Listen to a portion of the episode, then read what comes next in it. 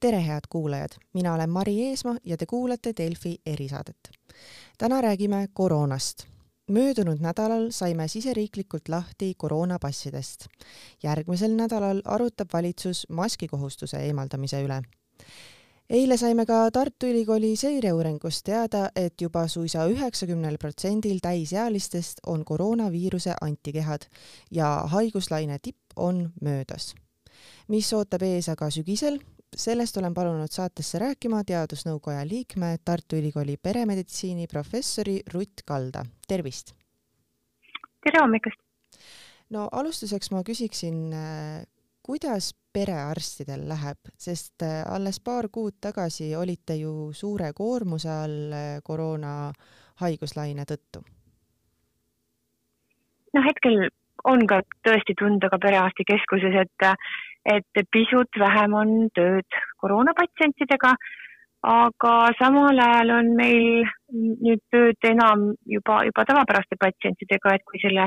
koroonaepideemia haripunktis me peatasime nii-öelda plaanilise töö, mida sai edasi lükata, kõik profülaktilised tegevused ja, ja mingite tõendite väljaandmised, mida ei olnud vaja aegkriitiliselt väljastada, siis me nüüd tegeleme tasapisi nendega ja tulevad tagasi ka need patsiendid, kes on,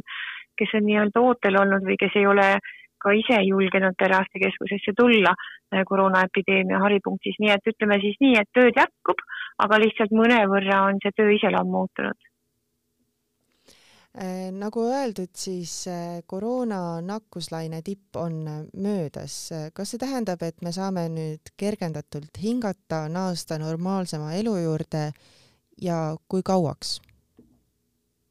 no mõnevõrra kergemalt saame hingata küll, aga et kas see normaalsema elu juurde või normaalse elu juurde, et see sõltub täiesti vaatepunktist, et mis see normaalne elu on. et kui mõni eh, kipub nagu tagasi igatsema seda aega, mis oli päris koroona eh, pandeemia eelselt, siis ma arvan, et sellesse aega me veel ei naase.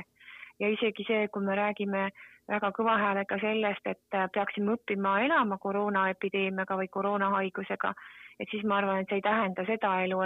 päris täpselt, äh, mis oli enne koroonapandeemiat. seetõttu, et, äh, et need koroonahaigusjuhtumid kindlasti jäävad, jääb ta mingil moel ikkagi, ma arvan, elanikkonna hulgas ka ringlema, see koroonaviirus. ehk siis nüüd sügis näitab, eks ju, et millisel viisil ta tagasi tuleb Eh, suved on meil olnud äh, ka eelmistel kahel aastal äh, oluliselt rahulikumad. Mm, juba, juba see annab meile nagu alust arvata, et ka see suvi tuleb täpselt samamoodi ja praegu me näeme, et haigusjuhtumite arv väheneb nii, nii elanikkonna hulgas kui ka haiglates. aga et kas, äh, kas ta vaibub nii-öelda täiesti minimaalseks, täiesti nulli mingiks perioodiks või jääb ikkagi sellisel baastasemel püsima Äh, ja, ja kas sügisel tuleb uus äh, laine, seda me ju tegelikult praegu öelda ei oska. Äh, isiklikult ma arvan, et, et, et selline sesoonse iseloomuga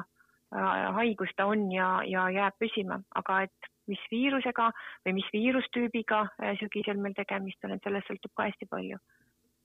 Te mainisite seda, et nii-öelda enne pandeemia, pandeemia enne pandeemiat olnud elu juurde me ilmselt eh, selles suhtes ei naase, et see normaalsus praegu tagasi ei tule, aga mida te selle all silmas peate, tähendab see mingit eh, eneseisolatsiooni teemat või, või mida te sellega mõtlete? no ma pean silmas seda, et, et ähm, just täpselt nii, et kui on tegemist ikkagi juba haiguspuhangutega ja teatavasti koroonaviirus äh, on hästi nakkav, palju nakkavam kui meie eelmised viirused üldse, mis meil olid liikvel, nii gripiviirus kui ka ülemiste hingamisteede teised viirused. et siis koroonaviirus on hästi nakkav ja, ja mida tüvi edasi, seda enam nakkavam ta oli. nii et see omikron kaks on ju eriti supernakataja, peaaegu võrreldav ka leetriviirusega, noh, mitte veel päris, aga peaaegu võrreldav et, et kui nüüd mõni viirustüvi on selline, mis on, mis tuleb on sarnane selle omikron kahega, mis on hästi nakkav. Või et tuleb veel mõni viirustüüp, mis on veel nakkavam, siis ilmselgelt tuleb ju lähtuda sellest, et, et kui on viiruse kõrgperiood, siis mõned sellised noh, piirangud on nad siis on need siis piirangud näiteks kasvõi selleks, et eneseisolatsiooniks või et siis noh, täitsa normaalne, et ma ei lähe äh, haigusnähtudega kusagile tööle, poodi, sõpradele külla või et siis teatud perioodidel võib-olla nakatumisperiood, kõrgete nakatumisnäitajate juures on ka jällegi tungivalt soovituslik kanda maski, et see, seda me üldiselt ju enne koroonaviirust väga ei kandnud peale meditsiinitöötajate või, või mõningate üksikute turistide, kes tulid Aasiast. et ma arvan, et sellised asjad jäävad, ähm, kui tegemist on ikkagi koroonaviirusega, mis meil niimoodi hakkab külastama äh, teatud sagedusega või teatud äh, sesoonsusega. Et, et mõned sellised asjad ilmselt jäävad ja ega ma arvan, et see on ka täiesti nagu normaalne, et, et me teame nüüd ja oskame Äh, ise omaenda tervise eest hoolt kanda ja teame ka, kuidas teatud nakkuse perioodidel käituda. ehk et hoiamegi distantsi ja, ja, ja hoiame omaenda terviseprobleemide korral või kaebuste korral teistest eemale, teeme kaugtööd kodus vajadusel, et sellised asjad, ma arvan, on tulnud, et jääda ka mõni, mõneti hea, et te mainisite maski, sellepärast et äh, mulle endale näib, et äh, paljude jaoks kaotas näomask äh, lõplikult oma mõttekuse sellel ajal siis, kui nüüd koroonapass ka kaotati, et ma kohtan poes ja ühistranspordis varasemast palju rohkem neid inimesi, kes ei vaevu isegi seda maski enam lõua otsa riputada. mida te arvate sellisest käitumisest, kas mask on praegusel hetkel oma mõttekuse kaotanud? No mask iseenesest siiski oma kaitseefekti pole kaotanud. Maski kaitsevõimet on uuritud ja, ja täiesti selge on see, et ta vähendab oluliselt nakatumise tõenäosust et kui kaks inimest kannavad maski, kes vastastikku satuvad üksteisega, siis ühe mask kaitseb, eks ju, minu mask kaitseb sind ja sinu mask kaitseb mind. kui tegemist on kirurgilise maskiga, on täiesti ju kehtiv siiamaani. küll kaitseb mask ainult siis, kui seda kantakse õigesti ehk et tõesti lõua otsas või kuskil käevangus ta kindlasti ei kaitse nii et, et kui tahetakse maskist saada seda tõelist kaitset, siis see tähendab õiget maski kandmist ja õige sobiva suurusega maski kandmist. Nüüd seda, et kas praegusel hetkel oleks veel õige kanda maski eh, või kohane kanda maski, siis mina isiklikult arvan, et, et kui veel mõelda, kust me nagu tulime, et milline see kõrgperiood meil siin oli, et me ise ju oma uuringus ka leidsime, et iga kümnes täiskasvanu on nakkuskandja aga, aga me tegime seda uuringut nüüd ju märtsis ja see tähendab, et veebruaris võis see eh, nakkusoht olla veel oluliselt suurem ehk et võib-olla isegi lausa viisteist protsenti täiskasvanud elanikkonnast võis olla nakkusohtlik. nii et selles tingimuses kindlasti see mask oli õigustatud. ka praegu veel on meil nakkusoht kõrgem kui üheski varasemas eh, meie epideemia nii-öelda eelmiste lainete haripunktis oli nii et praegusel hetkel ma arvan, et see maski kandmine on veel täiesti asjakohane, et meil on veel piisavalt palju inimesi mm, elanikkonna hulgas, kes on eh, nakkusohtlikud. Eh, nüüd ähm, ja, ja no tõesti poes, apteegis, ühistranspordis käies ta, ta kindlalt, kindlalt kaitseb. aga et ähm, ma arvan, et see on üsna pea, kus me jõuame, kui praegu me vaatame seda langustrendi, et me üsna pea jõuame ka sellesse äh, Äh, aega, kus, kus me saame öelda, et, et mask on tõesti pigem selline soovituslik teatud kohtades ja sellist, äh, sellise kohustuse saame ära võtta äh, en-, noh, nii-öelda maski kandmise osas. ja, ja, ja jääbki siis nii, et inimene ise, eks ju, otsustab, et kas ta on piisavalt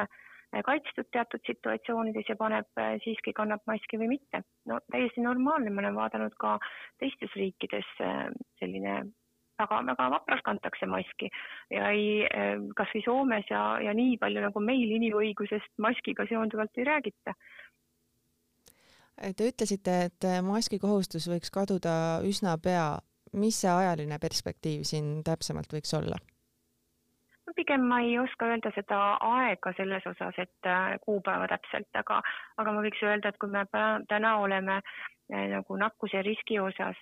või elanik, noh, nii-öelda kuidas see nakkus levib ja selle, mm, selle osas, millises riskis me oleme, siis hetkel me oleme sellisest ülikriitilisest punasest või ülisuure riskiga eh, punasest tsoonist langenud oranži ja ma arvan, et sellise tendentsiga eh, noh, me võib-olla paari nädala jooksul või, või isegi vähem ka jõuame ka kollasesse, see tähendab seda, et on juba keskmine risk. ja vot seal võiks juba, juba siis kaaluda, eh, kaaluda seda, et, et enam ei ole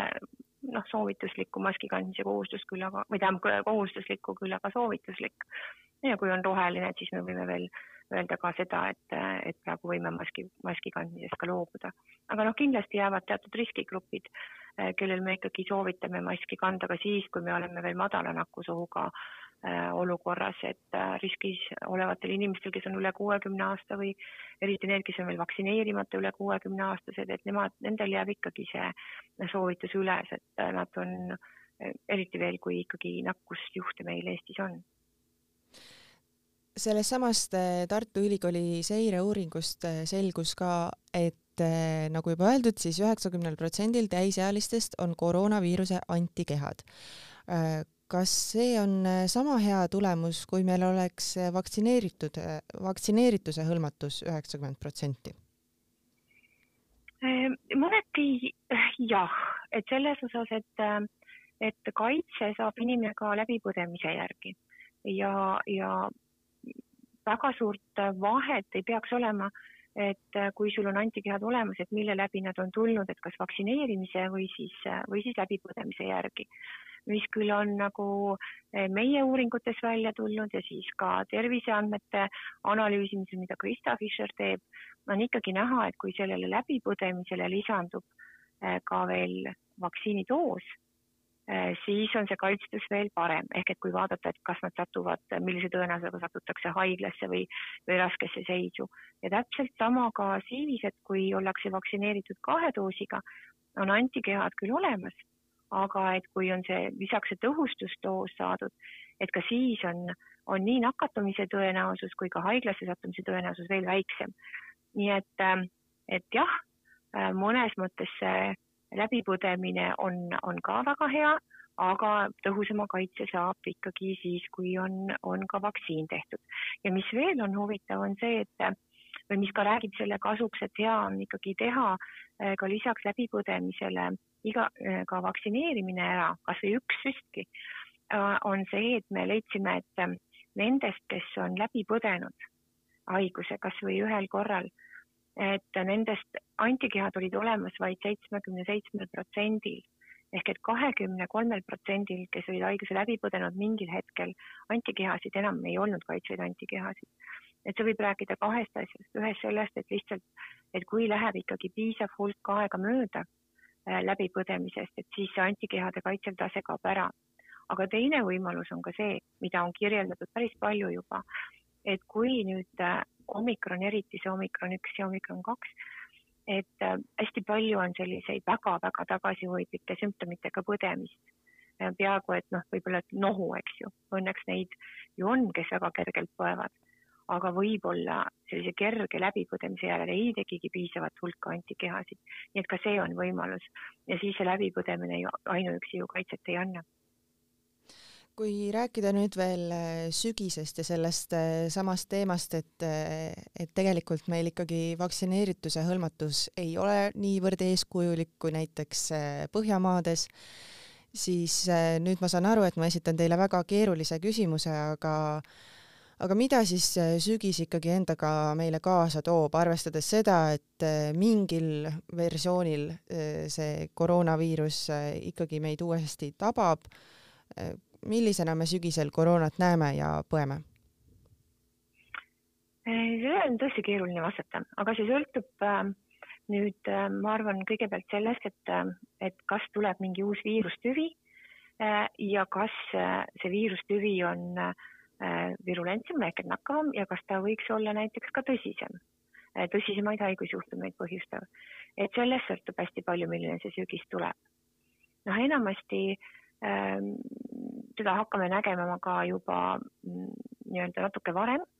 ehk et äh, need uued viirustüved tavaliselt saavad alguse kusagil väljaspool meid, Euroopat isegi, et lõunapoolkeralt, et eks siis on nagu näha, et mis, mis, mis, mis viirusega tegemist on aga suuresti määrab ikkagi sügisega see tõepoolest, et kuivõrd on nagu elanikkond kaitstud, eriti just riskigrupid kaitstud äh, raske haigestumise eest. et, äh, et haiglate ülekoormust nagu vältida, noh tervishoiusüsteemi ehk et esmatasandi tervishoiusüsteemi ülekoormust äh, kaitseb loomulikult ka see, kui, kui nakatumisi on vähem. aga, aga praegu me mõtleme jah, eeskätt sellest, et haiglasse inimesed ei satuks ja haiglaid ei koormaks üle ja intensiivravipalateid, et siis selle läbi ju tegelikult on takistatud ka teiste äh, haigustega patsientide ravi haiglates. ehk et viirusest sõltub ja nüüd siis ka elanikkonna nende kõige haavatavamate gruppide ehk kes on kuuekümneaastased ja vanemad ja kellel on siis ka olulisi kaasuvaid kroonilisi haigusi, mistõttu nad on nagu riskis raskesti haigestumise suhtes, et kas nad on teinud endale ära tõhustusdoosi. et tõhustusdoos aitab äh, tegelikult hästi mõnevõrra nakatumist vältida, aga veel olulisemalt haiglasse sattumist, nii et suvi on nüüd see aeg minu meelest, kus saab hästi hoolsalt ette valmistuda selleks ja teha veel need vajalikud käigud ära. Ja kolmas, mis ma arvan, on kindlasti ka see, et me ikkagi ootame neid ähm, viirusvastaseid ravimeid. Et, et kui on ikkagi ka olemas viirusvastased ravimid või siis monoklonaalsed antikehad, viirusvastased, et siis me saame ka neid rakendada raviks või siis raskete juhtumite ennet-, ennetamiseks, ärahoidmiseks. nii et pägi, päris paljudest komponentidest sõltub, et mis siis sügisel saama hakkab. ja lõpetuseks ma küsiks teilt, et kas suve jooksul peaks tegema ka neljanda vaktsiinidoosi ja kui jah, siis kes seda peaks tegema? Selle neljanda vaktsiinidoosi üle oleme arutlenud ja on arutlenud ka immunoprofülaktika ekspertkomisjon. praegu tegelikult keskendume me sellele, et võimalikult paljudel oleks ära tehtud kolmas doos ehk et see tõhustusdoos et ähm, mm, sellest sõltub hästi palju, nii et me ei rutta nagu ette, et kui juba piisaval hulgal inimestel on olemas kolmas tõhustusdoos, siis saame rääkida ka neljandast doosist mis on eh, küll selge, et eh, osadel inimestel juba see neljas doos võib-olla, et ongi tehtud. Ja kellel, kui ei ole, siis on vajalik, on need nii-öelda noh, lisadoos neile, kes on äh, sellise olulise immuunsüsteemi häirega, et kellel on sellised kaasuvad haigused, mistõttu immuunsüsteem on nõrgestatud, noh, hematoloogilised patsiendid näiteks või, või siis, kes on siirdamise patsiendid või neil on mingisugused muud immuunsüsteemi häired. no need on juba individuaalsed otsused ja neid nõustab siis ka ravivarst, et, et kellel oleks siis vaja see neljas doos teha. aga muidu me praegu äh, arvan, et, et me vaatame asjad uuesti üle sügisel ja suve jooksul praegu peaks olema äh, küll see situatsioon, kus, kus hoogsalt neid äh, tõhustusdoose ehk et kolmandaid doose äh, oleks aeg teha. suur aitäh teile, Ruth Kalda, selle intervjuu eest ja ma soovin teile kõike paremat ja loodame, et suve, suve kasutatakse siis selleks, et ikka vaktsineerida. ja, ja puhkamiseks ikkagi ka. just nii. aitäh aitäh teile ja aitäh ka teile, head kuulajad ja kuulmiseni